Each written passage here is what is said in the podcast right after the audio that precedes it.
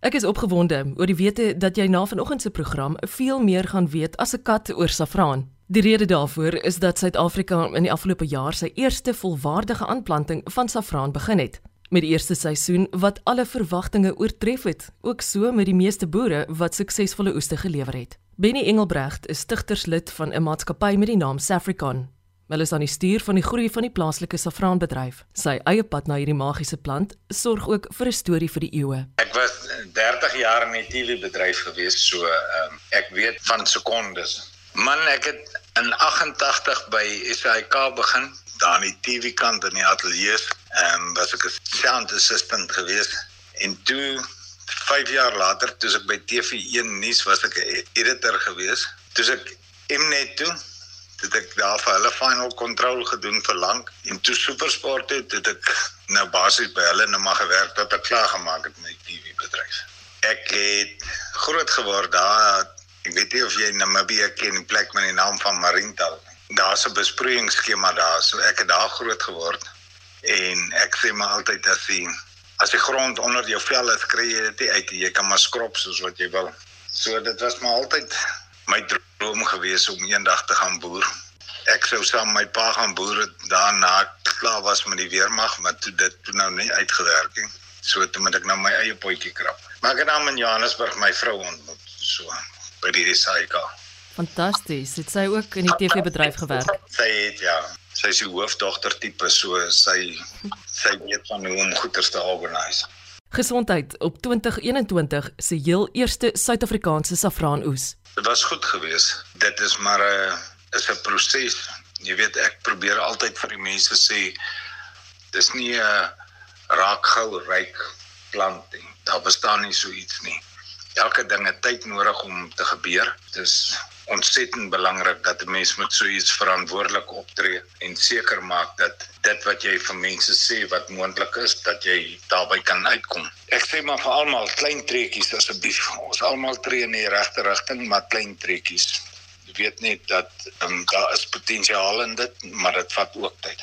En hoeveel provinsies is aanplantings gedoen in ons land? Al 9 provinsies. Ons het vir 2021 omtrent so 137 starter packs verkoop reg oor die land wat mense geplant het. Soos jy net ek dink jy weet heel waarskynlik nou al teen hierdie tyd dat ek sê vir die mense ek gee nie vir jou hektaar nie, toets dit eers in jou area, maak seker dit werk voordat jy groter gaan. So ons het baie goeie terugvoer gekry rondom dit. Daar is nou 'n paar mense wat ek wil nou sê 'n bietjie gesukkel het, maar oor die algemeen ek sou sê 95% sukses.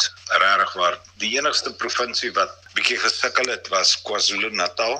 Maar nou moet mense ook in in ag neem dat jy weet ons maak hierdie nou nou oop vir die publiek. So al die mense wat 'n plant is nie boere nie.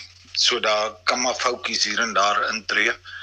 Maar ek dink 95% is 'n goeie is 'n goeie begin.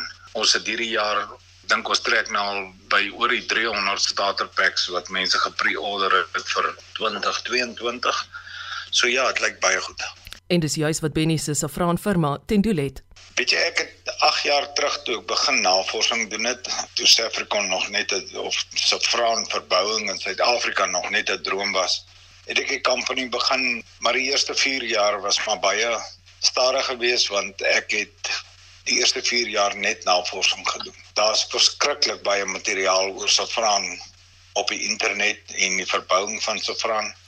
Maar die kruks van die ding is dat jy moet deur al daai inhoud moet jy deurgaan en die relevantie uithaal van van wat belangrik is en wat nie want elke tweede ou in Indië het 'n skrif geskryf oor saffraanverbouing maar op 'n einde is dit daai ou se interpretasie daarvan So dit het baie werk gevat en baie tyd gevat om seker te maak dat dit kan werk. Ja, wat ek het so in 2018 net 'n paar bolletjies ingebring van Europa af. Ons het hulle geplant, wonderlik gegroei en ja, wat daarvan af het die besigheid nou maar stadig maar seker groter geword.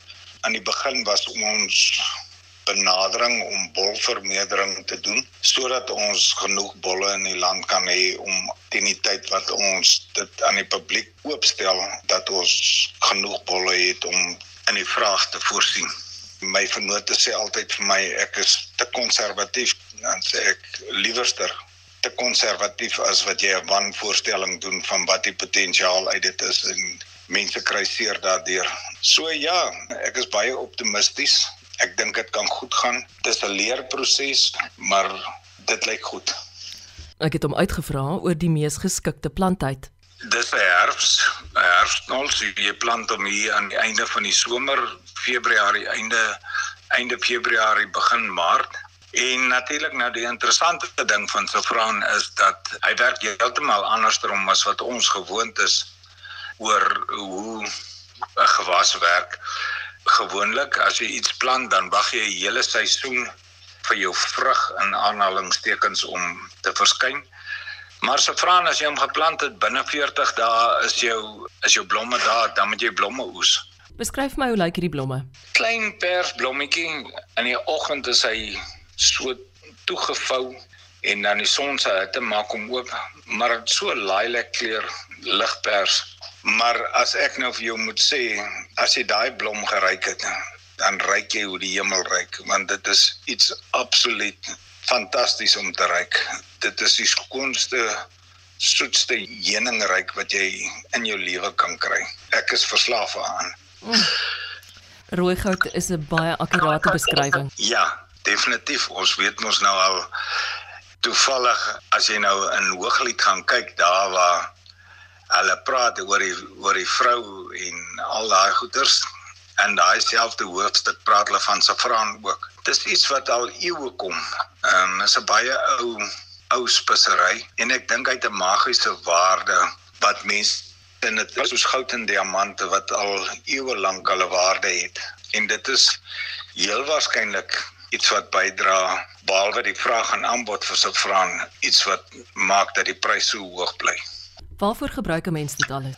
Saffraan tradisioneel is mos nou maar wat hulle in die kos gooi, paellas en rys en maar dan is daar ook verskriklik baie ehm uh, medisonale waardes in in saffraan van Alzheimer tot oogprobleme tot depressie verskriklik baie goed wat jy uit saffraan uit kan maak wat gesondheidsvoordele het. Kyk my, hoe kan ek sê my my benadering tot dit van die begin af was dat jou blomproduksie tel oor 'n 3 jaar periode op dat dit vermeerder en dan na 3 jaar begin die blomproduksie afgaan as gevolg van die hoeveelheid bolle wat onder die grond vermeerder het. Dan begin die bolle meeding om bo die grond uit te kom en dit beteken dan dat jy verloor blomproduksie. So dis dis maar my enigste benadering rondom dit te sê haal die bolle na 3 jaar uit sorteer hulle en dan kan 'n mens weer van voor af plant. Nou wie voer ons uit op hierdie stadium? Iran is maar die grootste verbouer van saffraan in die wêreld. Hulle doen so dink hulle laas jaar 450 ton gedoen. Dit is ongelooflik groot. Ehm um, as jy in saffraanwaarde kyk. Suid-Afrika, ek dink oor die volgende 10 jaar gaan ons heel waarskynlik nie eers by 'n ton saffraan uitkom nie dit is nogal belangrik om te verstaan die ketting van van hoe hierdie ding werk. Ek sê altyd vir die mense, die Safran bus ry tussen hierdie busstoppe al vir jare. En Suid-Afrika het nou vir die eerste keer by die busstop aangekom. Dit beteken nie omdat Suid-Afrika vir die eerste keer aankom dat dit die eerste keer is wat die bus ry nie die busry al vir eeue. Daar's ongetwyfeld magiese eienskappe aan hierdie plant wat sy oorsprong in die Midde-Ooste gehad het. Verseker, verseker. Jy weet ek het ook begin navorsing doen dit het ek nou baie baie mooi gedink en baie gelees oor die eerste ding wat jy lees van saffraan is dit het 'n mediterrane klimaat nodig.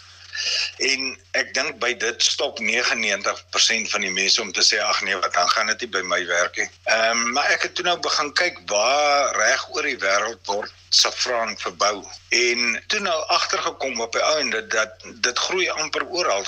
Tradisioneel was dit daai amper sê strook van Spanje tot in Persië waar saffraan oorspronklik vanaf kom. En dit is hoekom almal sê dit 'n mediterrane klimaat nodig, maar dit het nie. Ek meen dit groei in Nieu-Seeland, in Australië, in Tasmanië, al daai plekke groei saffraan. So dis nou regtig waar nie dat dit net 'n mediterrane klimaat nodig het om te groei nie. En sê my hoeveel blomme is nodig vir 1 kg?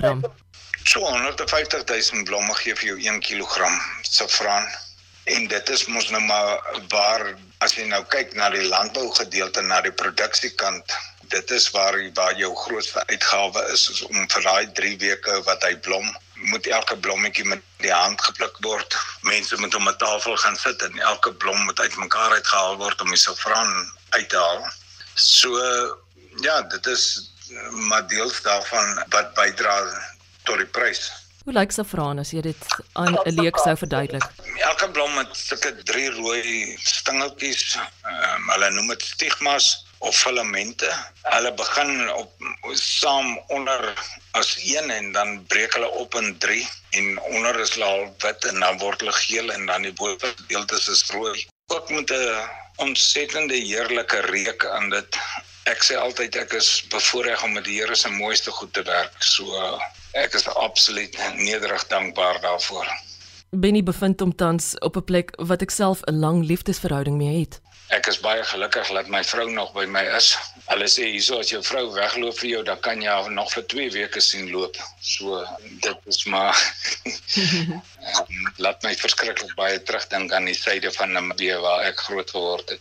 Voel soms of ek by die huis is. Wollaston is 'n baie spesiale plek want die liefde en die omgee van die mense is verskriklik naby aan 'n mens. Jy kan dit aanvoel. Ja, dis baie baie baie spesiaal. Jy kan die droogte op van die boere se gesigte sien want hulle is nou deur 'n verskriklike droogte en genadiglik het nou so 'n bietjie begin reën. So almal hoop en bid vir opvolgreën dat die dat die veld nou regtig weer kan vat. Daar's weer hoop en hoop vir hierdie boere is 'n groot ding. Dit sê weer 'n huppel in 'n man se stap. En ek dink saam met COVID en al die goeters vir boere om om nog staande te bly deur dit alles is ongelooflik. Dit is net genade en vasbyt dat die boere nog aangaan met hulle boerderye. Moet nooit nooit ooit in jou hele lewe dat ander mense vir jou vertel dit wat jy droom kan nie gedoen word nie. Want ek dink se vraan en die pad wat ons tot nou toe geloop het is presies daai pad. Ek dink as ek 'n klein verskil in mense se lewens kan maak om vir hulle te sê, dit maak nie saak hoe moeilik dinge is. Daar's altyd vir elke opdraande is daar afdraande. As jy 'n droom het, moet nooit nooit ooit jou droom vergeet nie. Moet nooit dat ander mense vir jou vertel dit wat jy wil bereik kan jy nie bereik nie. Dit is presies wat wat met met Safricon gebeur het in die pad wat ons geloop het tot hier. Is baie kere uitgelag oor gesê man, jy's van jou kop af. Maar ek het net deurgedruk. Hoe weet 'n mens wat is passie? En ek dink passie is baie maklik om te verduidelik as 'n mens sê as jy vanaand die lotto wen, as jy môre nog dieselfde ding wil doen wat jy tot vandag toe wil doen of tot vandag toe gedoen het. Dan het jy 'n passie vir dit wat jy doen want dan maak jy ander goeders nie saak nie. Jy kan dit wat jy doen kan jy in jou hart voel so. Benny gee raad aan voornemende saffraanboere. Klein treetjies as jy met saffraan wil boer weet dis iets wat jy nie agter op die agterste hoek van die plaas kan plant en eers 3 maande later daar kom nie dis iets wat jy elke dag by moet wees dis iets waarna jy elke dag moet kyk om seker te maak jou lande is skoon en kry water en die voedingsstowwe wat hulle nodig het. Ek dink die potensiaal is daar dat dit vir baie mense 'n groot verskil in hulle lewens kan maak want ek glo daar's baie meer plotte in Suid-Afrika as wat daar plase is. En Sofran is gelukkig so 'n gewas wat jy op 'n klein stukkie grond regtig waar die potensiaal het om vir jou goeie inkomste te bring. So jy het nie honderde hektaar nodig om 'n ekonomiese eenheid te hê nie. 'n Kwart hektaar kan vir iemand 'n ekonomiese eenheid wees want ekonomie van skaal hang mas nou maar af van persoon tot persoon. Dit wat vir een persoon niks is hier is vir iemand anderster meer as wat hy ooit in sy hele lewe gehad het. So ja, as ek vir voornemende se vraanboere kan sê, maak seker as jy by iemand bolle koop dat jy dit by iemand koop wat kan gee wat hy sê. Ek dink ons is op 'n op 'n wonderlike plek dat ons hierdie gewas in die land kan vestig wat regtig waar vir baie mense 'n baie groot verskil in hulle lewe kan maak. Karoo boer en moedige dromer Benny Engelbrecht. Deel gerus hierdie program met iemand of luister self weer daarna nadat jy dit afgelaai het vanaf RSG se webtuiste. Ek hoop van harte die res van jou Saterdag is in die geselskap van mense so kosbaar soos Safraan. Ek sien ook uit na ons volgende saamkuier. Ek is Eloise Pretorius. Totsiens.